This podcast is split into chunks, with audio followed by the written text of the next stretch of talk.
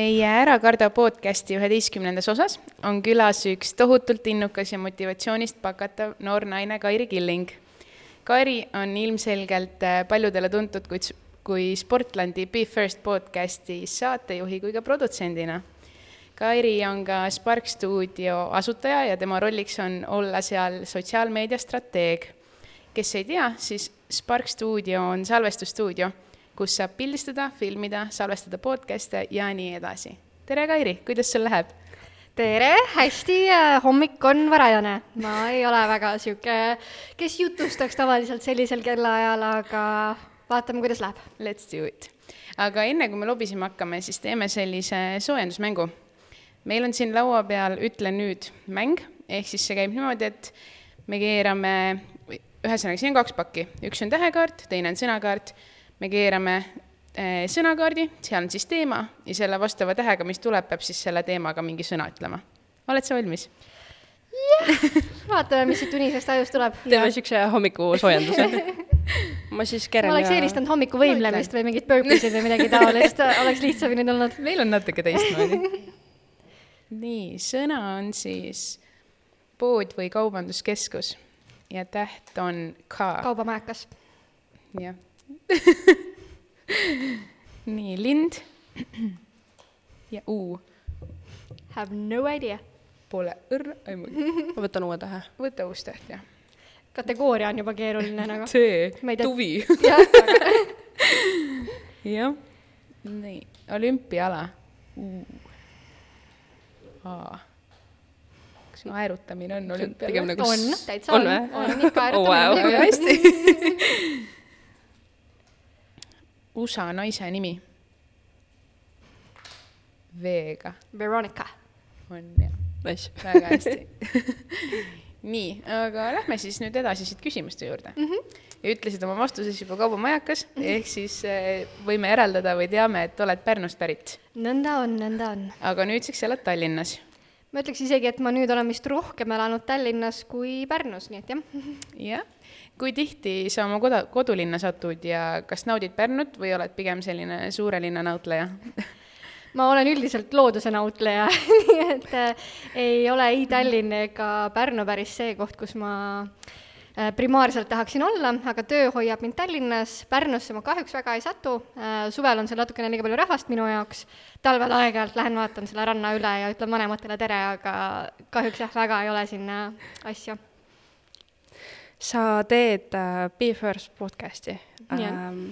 kui te esimesi episoode tegite, siis mis emotsioonid olid, kas oli veits hirmus ka ähm,? ma üritan nüüd meenutada, kes meil esimesed olid mm. -hmm. me tegime kõige esimesena Hanna Martinsoni ja Trad Attacki ja ma mäletan väga hästi, et äh, siis, kui me Trad Attacki tegime, siis me läksime Tartusse nende stuudiosse, mis tähendab, et meil oli natukene võib-olla tehniliselt lihtsam, sest me ei pidanud stressama heli kvaliteedi pärast ja nii edasi ja nii edasi, sest see on noh, ilmselgelt muusikute pesas, et nad teavad väga hästi, mida nad teevad äh,. ja mul kipub olema see, et äh, kui mu kõrval olev inimene on närvis, siis mina olen rahu ise ehk et kuna Sandra äh, Raju oli tol ajal väga suur äh, Trad Attacki fänn mm. ja esimese küsimuse ta suutis küsida niisuguse, mis Jalmarile väga ei meeldi, siis äh, minul tuli automaatselt niisugune zen, nii et minu jaoks ei olnud see stressirohke. Anna Martinsoniga salvestus oli natuke stressirohke, sest minu õlgedel oli siis see tehniline pool ja me salvestasime mingis oh my god, mingi igivanas stuudioruumis lihtsalt, kus nagu kõik kleepus ja kõik, see oli nasty ja mul polnud õrna aimugi, mis kvaliteediga sealt asi välja tuleb. nii et see oli küll minu jaoks stressirohke. aga kuidas nüüd on? no nüüd meil on oma stuudio ja oma tiim, nii et äh, nüüd ei ole absoluutselt mitte mingit pinget. kes on see üks inimene, kellega sa veel näed, et tahaksid podcast'i teha?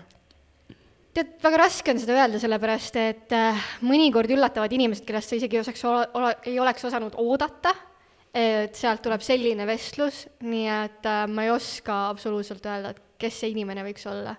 pigem ongi, et mulle väga meeldib, kui külaline tuleb äh, full on avatult, et äh, tal ei ole mingeid seinasid ees, ta tulebki sinna selleks, et rääkida kõiki oma kogemuslugusid ja need osad on alati ikkagi kõige nagu mõnusamad ja sisukamad ja õpetlikumad. et ma tegelikult ootan kõiki osasid, sest iga jumala kord ma õpin midagi uut kuidas te endale neid külalisi valite, kas see on pigem see, et kes niisugune aktuaalsem teema on või, või ku, kuidas endale nagu tundub? No Be First podcast sai loodud tegelikult selle eesmärgiga, et Sportland teeb väga paljude ägedate inimestega koostööd, et iga kord, kui te vaatate kampaania plakateid, siis seal on nagu mingid inimesed, on ju, ja tegelikult sa ei tea nende taustalugu kunagi ja nad on kõik valitud sellepärast, et neis on midagi väga-väga-väga erilist. nii et me otsisime tegelikult formaati, kus me saaksime selle erilise poole välja tuua, et kõigepealt me proovisime siis Sportland Magazine'is teha artikleid, aga noh, tänapäeval ega keegi väga lugeda ei viitsi, kui me nüüd täiesti ausad oleme, on ju. et siis tunduski, et kõige niisugune optimaalsem formaat võikski olla podcast'id, nii et eeskätt me siis valime külalisi selle järgi, et kes on parasjagu Sportlandi mõnes kampaanias või koostööpartner, ja siis täiendavalt, kui on mingid teemad, mis meile endale väga huvi pakuvad, et ongi, Sandra on siin toonud erinevaid episoode, mis tema jaoks on väga-väga nii-öelda hingelähedased, et siis, siis selle järgi oleme valinud. Väga hästi, aga seoses selle podcast'i ja kogu selle nii-öelda sotsiaalmeedia majandusega, oskad sa öelda, kuidas kriitikaga toime tulla? palju teie kriitikat saate yeah.? no see on pigem nagu niisugune kriitika, millest väga ei ole, mis väga ei kõiguta, noh, eks olegi see, et mina ja Sandra oleme ikkagi juba täiskasvanud naisterahvad, et meil on välja kujunenud oma nii-öelda arusaamad ja me mõistame väga hästi, et kui sa teed midagi, siis see ei pruugi kõigile meeldida ja see on täiesti okei. Okay.. et podcast'ide valik on lai, ei pea meie podcast'i ilmtingimata kuulama, et need kommentaarid ongi stiilis mingi, et miks see neiu peab äh, jalgu laua peal hoidma või no, no palun vabandust, et sulle ei meeldi see, aga see on nagu, meil ongi niisugune casual vibe podcast'is. et ega seal muud ei olegi, kui et kui on konstruktiivne kriitika, siis võtta omaks, analüüsida, kas oleks vaja muudatusi teha, kui on lihtsalt lahmimine, siis ühest kõrvast sisse, teisest välja aga kui sa mõtled nüüd tagasi enda nii-öelda nooruspõlvele või noh, nooremale endale, siis mida sa ütleksid viieteistkümneaastasele iseendale ähm,? hästi parem, mine edasi õige. oskasid sa üldse viieteistaastaselt, vabandust oskasid sa üldse nii noorelt äh, arvata, et sa sihukeste asjadega tegeled, nagu sa täna tegeled? no see oli aeg, kui meil oli reit, on ju, selles mõttes, et sihukest ametit nagu sotsiaalmeediaspetsialist ei eksisteerinud. nii et ma kohe kindlasti ei osanud aimata, et kuhu ma jõuan või mis ma teen. et ma isegi keskkooli lõpetades ei teadnud tegelikult, mida ma päriselt teha tahan. nii et ähm, ei, ei oleks osanud oodata. mis sa ülikoolis õppisid või kas sa õppisid ülikoolis? jaa, ma tegin siis Balti Filmi- ja Meediakoolis endale baka mm,? Läksin sinna puhtalt sellepärast, et tuttavad läksid ja ma ise ei teadnud, kuhu minna või mida teha. tundus uus ja põnev ähm,, suuresti ingliskeelne õppekava, väga palju niisugust loovpoolt ka. nii et ähm, baka tegin seal ja siis MBA tegin EBS-is siis, kui ma juba ettevõtet juhtisin, et täiendada natukene oma teadmisi mõndades valdkondades, kus mulle tundus, et niisugune kooliharidus võib olla kasulik. nii et jah, see oli minu õppetee sa siin juba rääkisid oma kraadid ära mm. -hmm. kui meid kuulab praegu noor, kes ei, ei tea, mida õppida või kardab ees olevat ülikooli teed, siis mis on need niki, nipid ja trikid, mida talle kaasa annaksid um,? ma arvan, et tänapäeval on väga hea lihtne viis tegelikult käia lihtsalt praktikatel, enne kui sa üldse kuhugile ülikooli lähed, et enamus firmad ikkagi võtavad vastu avasüli ja õpetavad ja näitavad, aru saada üldse, kas see valdkond on sinu jaoks või mitte et ülikooli sa ikkagi commit'id ennast mingiks ajaks, et võib-olla pigem teha niisuguseid kuuajaseid kiireid sutsakaid, kui sa veel päris hästi ei tea, mida sa tahad teha, ja võttagi lihtsalt selle järgi, et mis täna paneb su silma särama. et kui see on pildistamine, siis mine vaata, kas sa saad kuhugile fotograafiastuudiosse, kui sa oled üks nendest inimestest, kellele väga meeldivad Excelid, siis vaata, mis, mis valdkonnas Excelid kõige olulisemad on ja mine proovi praktikale. et ma arvan jah, et ei ole vaja kiirustada ülikooli, et äh, õppida jõuab terve elu ja õpidki terve elu nii et. Mis on äh, see üks asi, mis sulle enda töö juures meeldib ja mis siis ei meeldi võib-olla nii palju äh,? mulle meeldib tegelikult kõik oma töö juures, et ma muidu ei teeks seda tööd, et ma olen väga seda usku, et ähm, meil on antud ainult üks elu, limiteeritud aeg ja ei ole mõtet teha neid asju, mis sulle ei meeldi. et äh, kui sa täna oled niisuguses olukorras, kus sulle ei meeldi olla, siis pigem vahetada olukorda ja see on ka üks asi, mida ma olen õppinud töö kontekstis, et öeldakse ikka, et igas positsioonis on nagu asjad, mis meeldivad ja mis ei meeldi kui sul on asjad, mis sulle ei meeldi, siis üldjuhul nad hakkavad venima äh,, tekitavad stressi, nii et need asjad nagunii tehtud ei saa, nii et vaata, kas sa saad seda delegeerida kellelegi, kellele see meeldib, või kas sa saad selle enda jaoks kuidagi muuta meeldivaks. täiega nõus. ei ole oh, mõtet teha asju tegemise pärast nii on. Äh, küsisime seda ka Mihkel Vetemaa käest, ke-, kelle Täitsa Pekkis podcasti külaline sa olnud oled mm. -hmm. ehk siis äh, täna on kõik podcasterid aga mida ütleksid noorele, kuidas alustada podcast'iga ning äh, kohe algul erineda teistest? ma arvan, et esimene võtmesõna, ükstapuha, mida sa teed, on ikkagi see, et olla kursis turuga, ehk siis et kuulata natukene podcast'e, saada aru, mida teised teevad, panna kõrva taha, mis näiteks meeldib selle juures, kuidas nad teevad, mis ei meeldi selle juures, kuidas nad teevad et leida nii-öelda oma koht ja nišš, et kui, kui sa lähed ikkagi peale niisuguse ideega, mida on juba kümme tükki olemas, siis sa pead erinema kvaliteedi mõttes, kvaliteet kipub olema kulukam äh, nii-öelda tegevus, ehk siis et äh, jah, kõigepealt saada turuga ennast viia kurssi aga kui ta näiteks alustab omaenda keldrist mm, -hmm. siis äh, mis, mis selleks üldse olemas peab olema?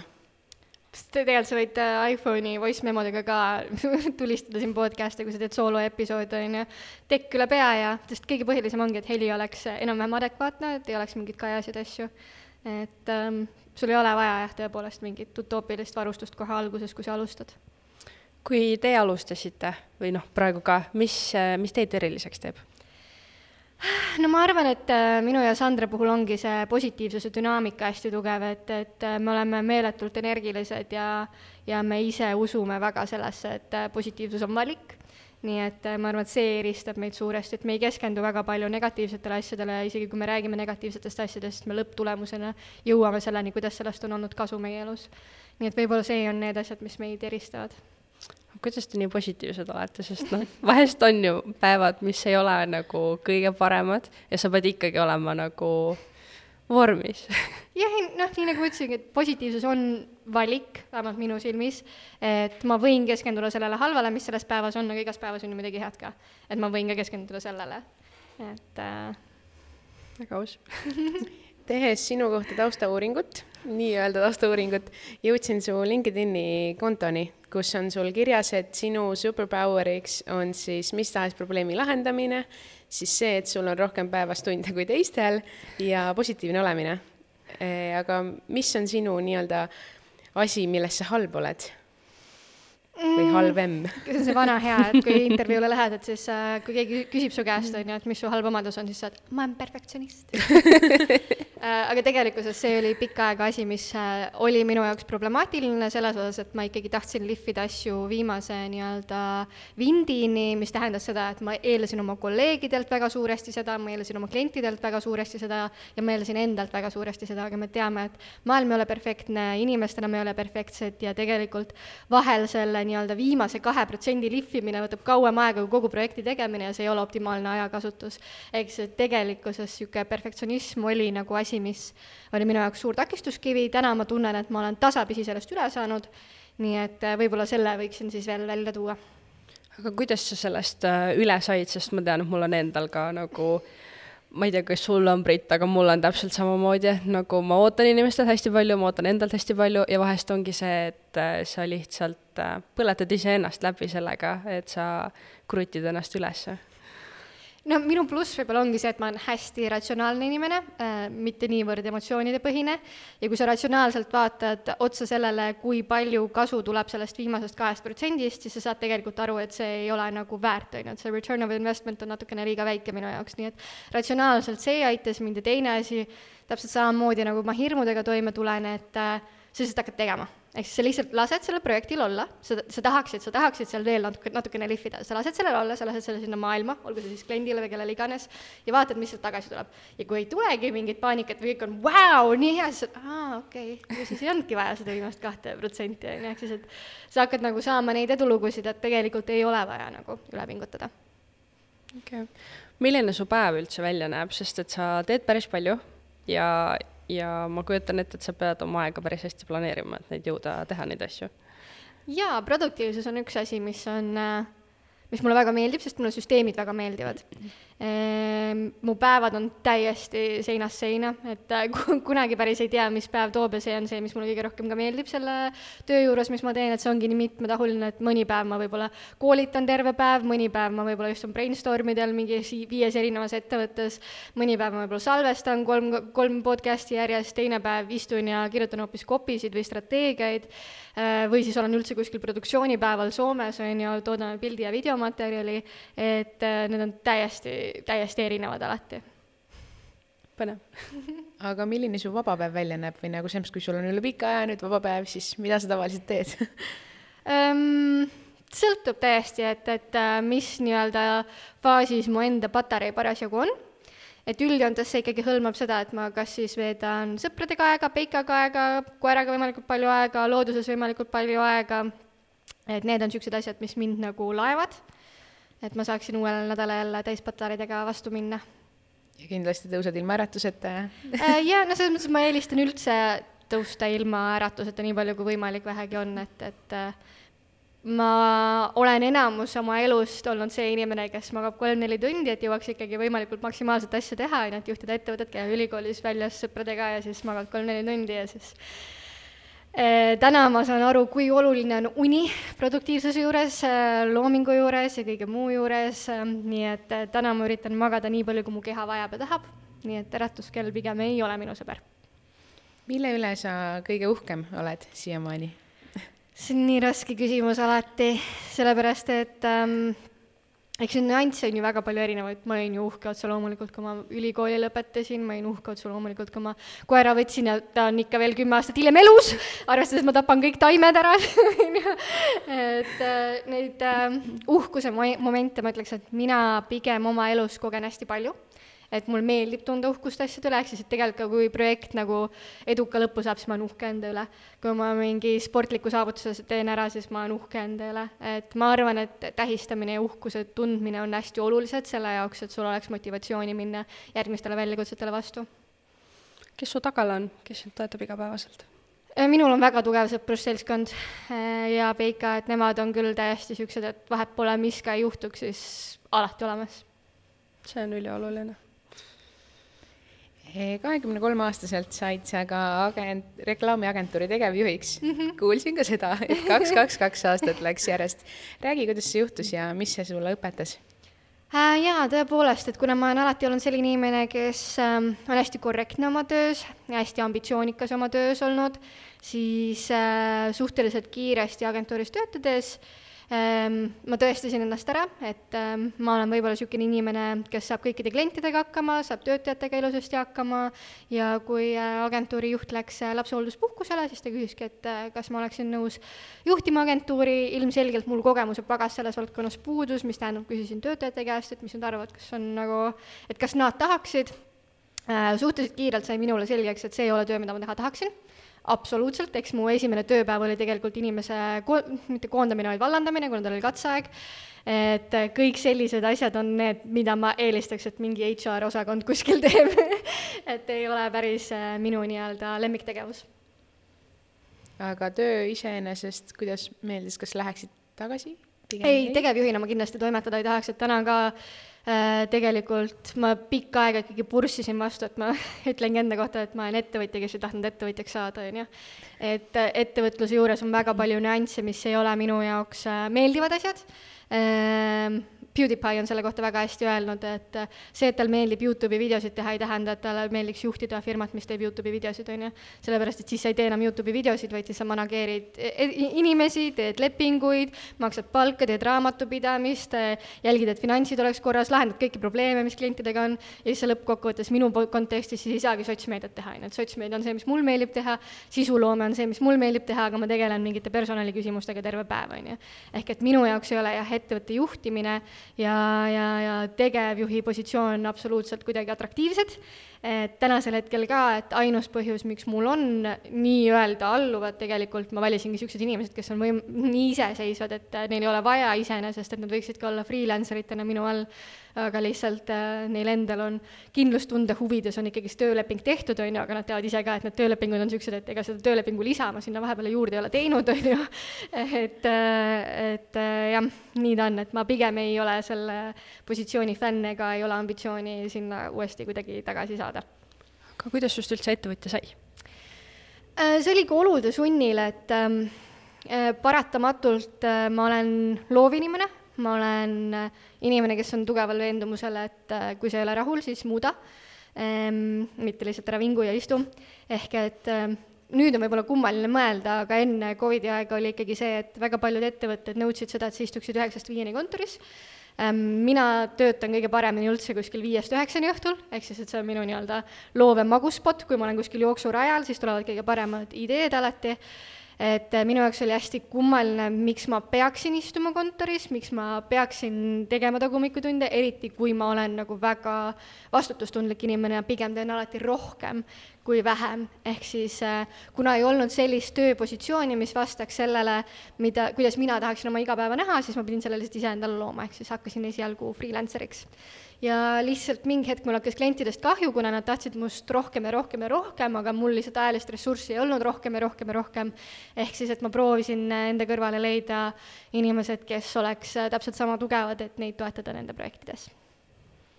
väga hästi. Eh, rääkides juba sinu tööst ja tööstaažist, siis eh, lisaks oled töötanud ka Sportlandis mm. -hmm. mis oli sinu roll? Äh, mina olin siis esimene inimene seal, kes oligi sotsiaalmeedia juhi positsioonil siis, ehk siis neil ei olnud eelnevalt sotsiaalmeedia osakonda kui sellist või sotsiaalmeedia inimest, et nad tellisid seda alati minult sisse agentuuris, vahet pole, millises agentuuris ma siis olin, ehk et eelnevalt, ma olengi täna, ma arvan, Sportlandiga tegelenud nüüd üksteist aastat kindlasti, et äh, erinevates agentuurides käisid kaasas muga, siis ma olin in-house ja tänase päevani, et nüüd on siis Eesti, Läti, Leedu ja Soomega ähm,, nende puhul siis aitan sotsmeediat teha. et äh, ma töötasin siis jah, sotsmeedia inimesena tol ajal äh,, sain täiesti ise selle positsiooni nii-öelda üles ehitada, kuna tõepoolest eelnevalt ei olnud niisugust rolli. nüüd on seal äh, väga tore, et igas riigis on põhimõtteliselt sotsmeedia inimene ja isegi sotsmeedia inimesel on oma abilised veel kui äh, podcast'i maastik ka üks ja üldse see sotsiaalmeedia, siis kus sa ennast tööl näeksid? Äh, kus, mis mõttes nüüd täpsemalt, mis ettevõtte juures või?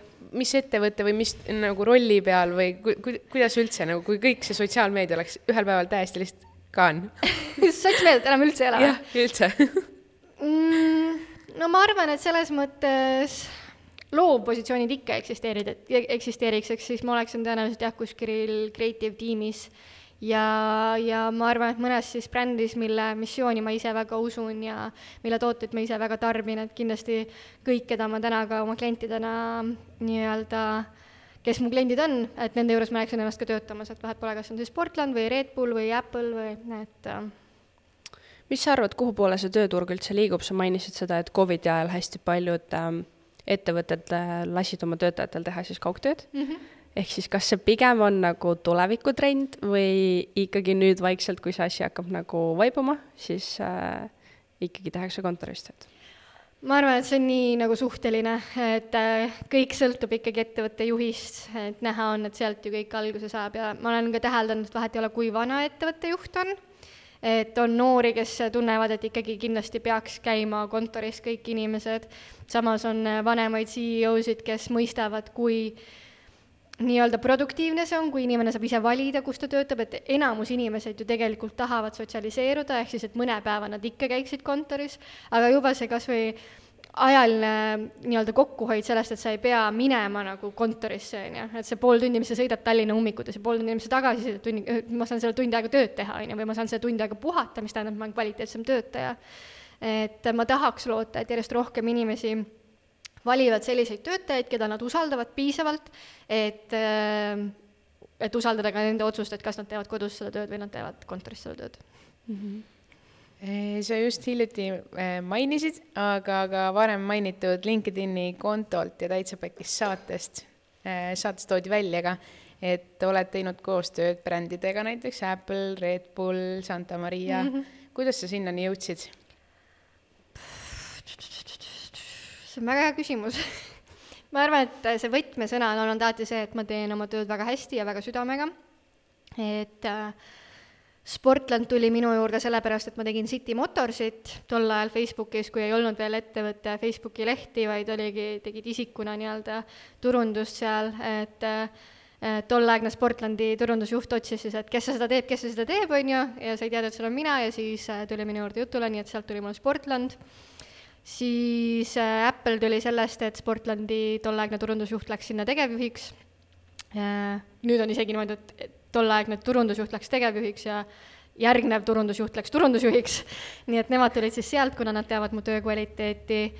Ähm, ja ülejäänud ettevõtted on täpselt samamoodi tulnud ikkagi soovituste pealt või et, et see ei ole nagu ma oleksin kellelegi ise kunagi lähenenud või et äh, pakkumist teinud või midagi niisugust, et pigem ongi olnud see, et kõik ütlevad, et sa oled kõige parem, et me tulime siis siia palju sa ise üldse aega sotsiaalmeedias veedad nagu vabal ajal, kui sa ei tee seda tööna?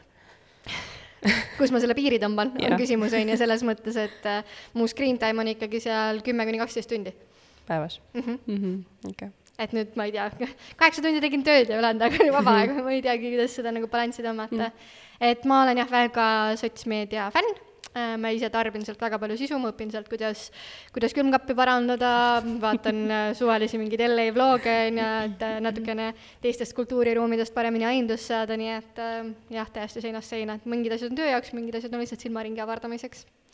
aga sotsiaalmeedia, noh, kui vaatate just äh, noori, siis mm. tihti nad ei saa aru, mis on päris ja mis on äh, sotsmeedia. kuidas sa, kuidas sa sellesse suhtud, kui sa ise sisu lood, kas see pigem ongi see, et kuvada seda, mis võimalikult on nii-öelda reaalsuse lähedane, ma tean, see on loaded question, aga äh, või pigem ongi see, et mis sa arvad, mis selles osas saaks ära teha, et see nii-öelda roosad prillid ära kaoks? ma arvan, et see on tegelikult asi, mida me kõik peame õppima, nagu ise eristama, mis on reaalsus ja mis ei ole reaalsus, et ma arvan, et see on isegi hea, et noored saavad selle kogemuse, et ma vaatan, mul vahel isegi tundub nagu, et vanad inimesed on vähem haritud ja teadlikud selles osas kui noored inimesed, kui ma vaatan näiteks TikToki kommentaare ja asju, kuidas inimesed nagu suhestuvad mingisse sisusse, et pigem noored saavad ilusasti aru, et kuule, siin on nagu filtrid ja siin on nagu mingi Photoshop ja nagu sorry, aga see ei ole päris, on ju. sest neil, nad on selles keskkonnas üles kasvanud, nii et nad oskavad seda paremini kuidagi eristada. et mul on tunne, et pigem vanematel inimestel on see probleem, et nad ei suuda seda teha, sellepärast nad ei ole kasvanud selle keskel üles, nii et see on nende jaoks ikkagi uus. mis puudutab seda, et kuidas sa nüüd oma, kuidas sa oma sisu näitad sotsmeedias, ma arvan, et see on ikkagi iga inimese enda valik, et kui sa ikkagi tahad ennast üle töödelda ja filterdada, siis see on täiesti sinu vaba valik, sest see on sinu kanal, ise tead, mis teed. kui sulle ei meeldi selline sisu, ära jälgi mina isiklikult pean oma sotsmeediakanaleid ikkagi oma digitaalseteks päevikuteks, kuna mul on kohutav mälu, siis ma panen sinna üles neid asju, mida ma tahan mäletada, sellepärast ma teen Youtube'i, sellepärast ma teen äh, Instagrami postitusi, et minu jaoks ei olegi niivõrd oluline see, mida nagu teised näevad või tarbivad äh,, vaid ikkagi see, et, et kui ma ise tagasi vaatan, et siis ma tahan seda mäletada sellisena, nagu ta oli. Aga ilmselgelt oma digitaalsesse päevikusse ma ei pane mingeid, äh, ma ei tea, nutuhetki ja asju, sest see ei ole lihtsalt mina, sest ma ei keskendu nendele asjadele, see ei ole nagu, isegi kui ma nutan õhtuti mingi asja pärast, siis järgmine päev see on juba korras minu jaoks, sest ma elasin selle välja, ma analüüsisin selle läbi, et ma ei jää sellesse nii-öelda kinni. et siis ma ei näe ka põhjust, miks see peaks olema kinni nii-öelda minu seal sotsmeediaplatvormil kuskil mm. -hmm. kui tihti sulle inimesed äh, tänaval, nii-öelda tänaval sind ära tunnevad siis, sest sa ikkagi oled avaliku elu tegelane? Ma selles mõttes ei ole ikkagi nii suur avaliku elu tegelane, et siis, kui oli Youtube'i kuldajastu, siis äh, tuldi väga palju, küsiti pilte ja tänasel hetkel ka ikkagi aeg-ajalt äh, tullakse ja öeldakse tere, et äh, aga ma ei tunne küll ennast mingi no tore on ikka aeg-ajalt, et tegelikult see on aidanud väga suuresti kaasa minu isikubrändi ja ettevõtluse poole pealt ka, sellepärast et ongi, et et hiljuti just oli Bigbank tellis mu käest koolituse ja siis see, kes koolituse tellis, ütles ka, et, et tead, ma jälgin sind sotsmeedias, et nagu sellepärast ka on ju kutsusime, et, et et ta aitab ehitada tegelikult kuvandit ja ta aitab saada ka täiendavat tööd, nii et kui sa ettevõtteid koolitad, siis mis, mis koolituse sisu on? Sõltub täiesti, mida vaja on, eks minu ekspertiis on ikkagi peamiselt äh, sotsmeediaplatvormid, ehk siis et vahet ei ole, kas on vaja aru saada, mis on tänasel hetkel trendid, kas on vaja aru saada, kuidas TikTok'e teha või on vaja aru saada, kuidas strateegiliselt üles ehitada oma mõõtmissüsteeme selle jaoks, et aru saada, kui kasumlik sotsiaalmeedia on aga on ka täiesti teises leeris äh, nii-öelda koolitusi, et Wise tellis näiteks mu käest koolituse just produktiivsuse teemal, et ilmselgelt, kui sa väga palju erinevaid projekte manageerid ja ja leiad sealt kõrvalt aega trenni teha ja kõike muud ka veel, et siis siis nad täheldasid, et võib-olla see on nagu teema, millest ma võiksin rääkida. Ja täpselt samamoodi mingi järgmine nädal mul tuleb koolitus Notioni teemal, on ju, et äh, lihtsalt kuna ma ise olen väga suur äh, platvormi fänn, siis ma olen ennast väga palju harinud selles valdkonnas ja siis üks klient ütleski, et kuule, et äh, aga teed äkki meile selle koolituse, ma pole elu sees seda koolitust teinud, aga davai, kui te olete nõus mu katsejänese tulema, siis teeme ära. nii et äh, pigem jah, et äh, mis iganes teemal vaja on, mis on minu jaoks huvitav, sest keskkooli ajal ma paaniliselt kartsin avalikku esinemist, nii et, et ma tänasel hetkel nagunii lebolt neid koolitusi teen, on ka väga huvitav nähtus mu enda jaoks samuti. kuidas hirmust üle said? Tehes.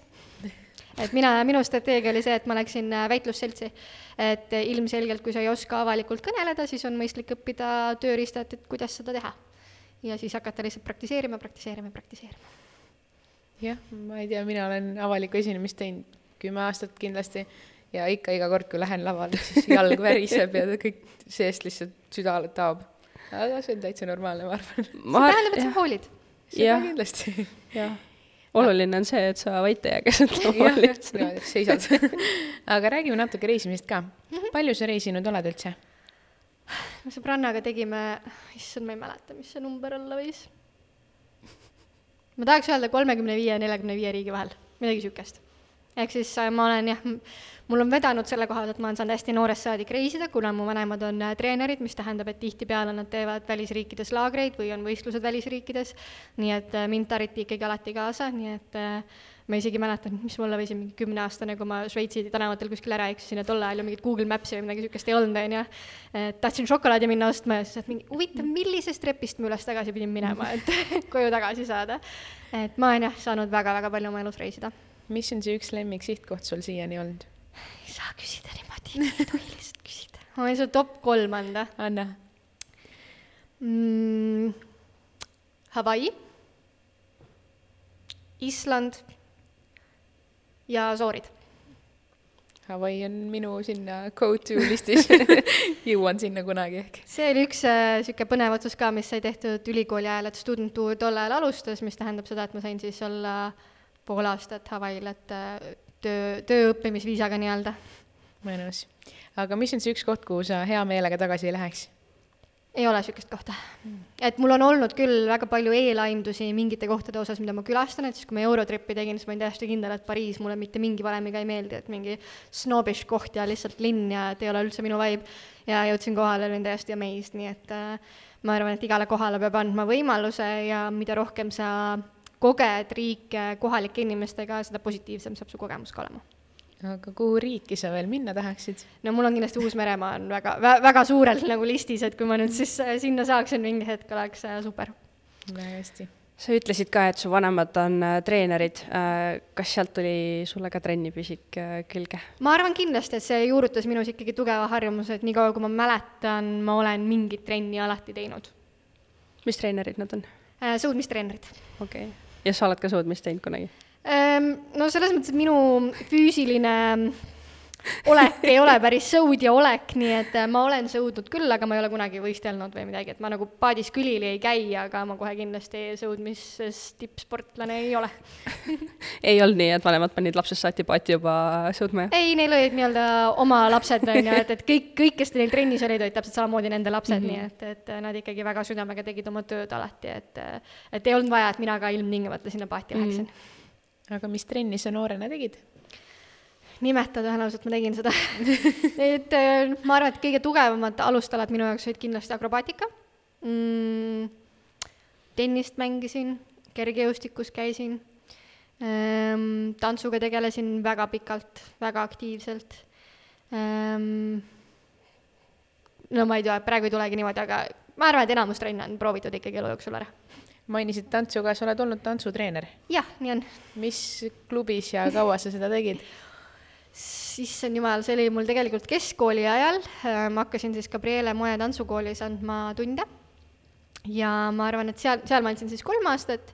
Ja siis, kui ma ülikooli läksin, siis ma tegin oma nii-öelda trupi teatud äh, noortest, kellega me siis hakkasime Pärnus edasi tegema mõned aastad, nii et ma arvan, et jah, kokku niisugune viis aastat sai ikkagi seda tantsutreeneri ametit ka peetud, et kunagi ma arvasingi, et peale keskkooli ma lähen kindlasti koreograafiks õppima, et see oli minu nii-öelda ülikooli unistus, äh, aga vanematega arutelu käigus äh, saime aru, et see võib-olla ei ole kõige mõistlikum äh, suund minu jaoks karjääri kontekstis. ja treener ütles ka väga ilusasti, et ole hästi hoolikas selles osas, et kui sa muudad asja, mis on sinu jaoks nii-öelda meeletult suur kirg, mille läbi sa ennast väljendad ja sa muudad selle tööks, et sa võid selle nii-öelda ära tappa mm -hmm. natukene, et sa pead kogu aeg looma, mis on muidugi nüüd äh, natukene irooniline, arvestades ma ikka teen loovetööd aga mis sa, mis on see üks asi, mis sa treeneri rollis õppisid? kuulamist kindlasti. et kui oluline on ikkagi pöörata tähelepanu ja mõista ka kontekstiväliselt äh, nii-öelda žeste ja inimeste käitumismaneere, et aru saada, et et võib-olla ei ole see, et ta, et ta on halb tantsija, vaid tal on täna midagi, mis on juhtunud ja, ja sellest on vaja nagu üle saada ja üle olla selle jaoks, et ta laval saaks särada tegelikult nii, nagu ta mõeldud on väga,. väga-väga super. mis sa töö kontekstis ise näed äh, tuleviku mõistes, kas sa pigem tahad Eestisse jääda või sa tahaksid äh, noh, muidugi kui sa teed sotsiaalmeediat, siis sa võid seda teha ükskõik kust põhimõtteliselt. põhimõtteliselt võin teha ükskõik kust, et ma ise olin ka siin äh, nii-öelda Sansibaril puhkusel, aga tegelikult tegin tööd, on ju, sest ega seal ei olnudki muud teha, et kui sul tuul oli, siis sõit- sõitsid lohesurfi, on ju, kui tuult ei olnud, siis ei olnudki midagi otseselt teha, nii et siis ma tegin tööd seal samal ajal, et äh, tõepoolest vahet ei ole tänasel hetkel, kust ma oma tööd teen otseselt. ma isiklikult olen väga seda uskumust, et ühe eluaja jooksul võiks proovida erinevaid karjääre erinevaid valdkondi, erinevaid kirgesid, kirgi, et ma olen siis täna kolmteist aastat teinud seda, mida ma teinud olen, nii et ähm, kindlasti lähiajal tahaks proovida ka mingeid täiesti uusi äh, valdkondi ja vaadata, et kuidas ma seal hakkama saan. mis need uued valdkonnad on? kui ma teaks et äh, ma usun sellesse, et need asjad tulevad siis, kui nad tulema peavad, need mõtted tulevad siis, kui nad tulema peavad, et ma lihtsalt ise hoian praegu ennast äh, avatud mm -hmm. äh, nii-öelda kõigele, mis äh, maailm pakub. Eh, oma LinkedInis, nagu ikka eh, oled sa nii-öelda kirja pannud, et oled vabatahtlik varjupaikade MTÜ-s. nii on mis sa seal teed? võiks arvata, et sotsmeediat on ju. tegelikult äh, ei, et äh, tõepoolest, kuna ma töö kontekstis teen nii palju sotsmeediat, siis see oli asi, mida ma väga ei tahtnud teha vabatahtlikuna, et see oleks ikkagi natukene midagi muud, et siis äh, seal ma olen eeskätt fotograaf ja videograaf. ehk et kui on vaja filmida või pildistada midagi, et siis tulen mina kohale. sul on endal ka koer, kas sa võtsid äh, koera varjupaigast? ei võtnud, et äh, minu Lili on nüüd juba kümneaastane ja mina võtsin ta siis äh,, mu sõbra koer sai pesakonna ja siis ma võtsin ta sealt. Et ma ei julgenud tol ajal ausalt öeldes äh, varjupaigast võtta koera, sest ma kartsin, et äh, noh, tal on mingid traumad kindlasti ja mina kui esimese, esimest, esimest korda nagu koera omanik on ju, et mis siis, kui ma ei saa hakkama, et mis siis, kui ma ei tea, kuidas neid probleeme lahendada.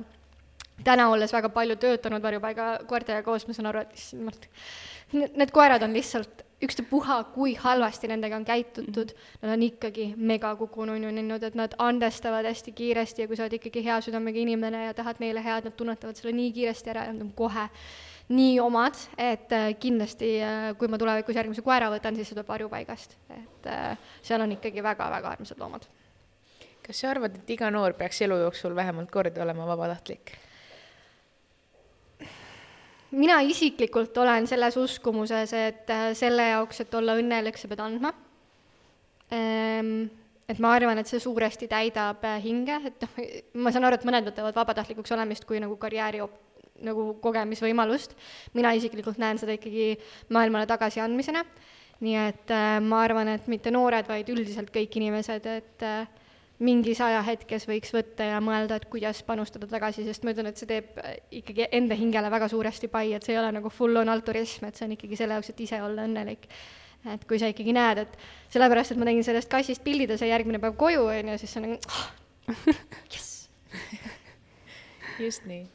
aga mida on vabatahtlikuks olemine sulle andnud?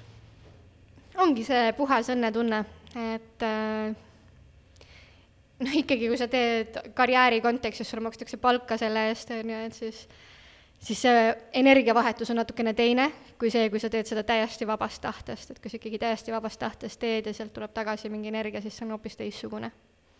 no see on nagu meil meeskonnas, selles mõttes, kui sa tahad seal olla, siis sa teed seda ja kui sa ei taha, siis sa lihtsalt ei tee seda. lõpetad ära. ei, ja see varjupaiga asi on ohtlik, ma olen paar korda ise ka käinud ja ma õpin veterinaarmeditsiini ja ma võtaks kõik loomad kaasa ma, varjupaigast. ma ei ütle, et mul ei ole iga kord autosse tagasi istudes väikest nutusessiooni, et mul ei ole suurt hoovi, kuhu sada koera võtta, aga ma alati mõtlen, et äh, lõppkokkuvõttes sellest on ikkagi kasu suuresti, et ma seal olen, et äh, tuleb lihtsalt alla neelata need paar pisarad, mis tekivad sellest, et Ehk kuidas üldse jäeti niisugune loom. ehk siis, kui tulevikus kunagi kuskil sada koera hoovis on, siis me teame, et see on sinu jah hoov., tõenäoliselt, tõenäoliselt, et võib-olla paar kitse ja mingid kanad ja asjad ka veel, aga jah, see on see vana hea, et koerale tuli koer võtta ja siis nii on. aga me oleme sinuga lõpupoole, lõpusirgele jõudmas ja me oleme eh, siis selle aasta teemaga, milleks on siis just Mina muudangi maailma, oleme loonud siis kolm küsimust, millele iga meie külaline vastab. esimene küsimus neist on, et mida teed täna, et maailma paremaks muuta? Et siis kõige raskemad küsimused ikka siia lõppu, on ju. absoluutselt.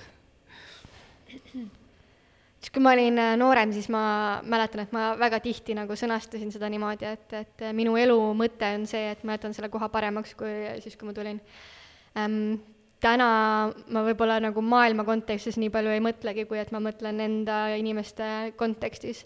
Ehk et äh, mida ma teen selle jaoks, et maailm oleks parem, on see, et ma tegelen iseenda ja enesearenguga ja ma tegelen väga suuresti sellega, et olla oma inimestel olemas, milles, mis iganes neil ka vaja ei oleks siis. aga kes on täna sinu suurim eeskuju? mina ise. et äh, alati vaadates tagasi, kus sa oled tulnud ja kuhu sa oled jõudnud, siis see on kindlasti asi, mis mind motiveerib edasi minema ja kui sa peaks noortele soovitama mõnda podcast'i, raamatut või filmi siis äh, mis sa soovitaksid neile? ma ei ole kindel, et seda on võimalik teha niimoodi, et see kõnetaks kõiki, et ma mäletan ise, et kui keegi mingi kolm aastat tagasi keegi rääkis mulle, ah oh,, Transurfing, see raamat on lihtsalt nii nagu mm, mm. võtsin kätte, lugesin mingi viiskümmend lehte, issand, mis saast. ja siis nüüd võtsin kätte pool aastat hiljem, oh, puhas kuld ja et äh, ma arvan, et ei ole võimalik äh, soovitada ühte konkreetset ja kindlat, et äh, mina isiklikult usun lihtsalt, et lugege hästi palju, kuulake hästi palju, muutke see oma regulaarseks harjumuseks, ehk siis leidke mingi viisteist, kakskümmend minutit iga päev, millal te seda teete. kui tekib ikaldus raamatusoovitustest, siis mul Instagramis on highlight, kus on nii-öelda hinded pandud juurde raamatutele, mida ma olen lugenud et võib-olla sealt tuleb siis mingeid soovitusi või näpunäitedega taaskord meeles pidada, et et ei pruugi olla õige hetk selle raamatu, filmi või podcast'i jaoks, et anda sellele mõni teinekord siis võimalus, kui ta praegu ei kõnetanud. et kuna ma paar päeva tagasi tegin just Asi on minust tüdrukutega harjumuste teemal äh, nii-öelda laivi, siis äh, seal tuli üks raamat, mis võib-olla on niisugune, mida ma julgen julgemalt soovitada, et see kõnetab kõiki, aga no ma ütlen ta välja siia lihtsalt, Ikigai. ja siis vaadake, kas kõnetab või ei kõneta jah, ja no muidugi ju ennast ei saa reklaamimata jätta, ehk siis Be Firsti võib alati kuulata otse loomulikult ja mina kuulan väga hea meelega Täitsa Pekkis podcasti, kuulan väga hea meelega Blondcasti, kõige rohkem meeldivad mulle otse loomulikult Sam Harris'i podcastid äh,, Nike Train podcast, et äh, ma võin oma lemmikuid lugeda siin ette küll ja küll, on ju, et soovitustega on lihtsalt alati raske. aga aitäh sulle, et sa tulid aga ja jagasid oma lugu. aitäh kuulajatele. Äh,, jälgige meid ikka iga neljapäev, sest siis tuleb uus osa vahest mõnikord isegi kaks, kui veab. ja jälgige meid sotsmeedias ja jälgige muidugi saatekülalist ka sotsmeedias, sest sealt tuleb head kraami. ma küll väga ei postita, aga jälgige, jälgige aitäh! tšau!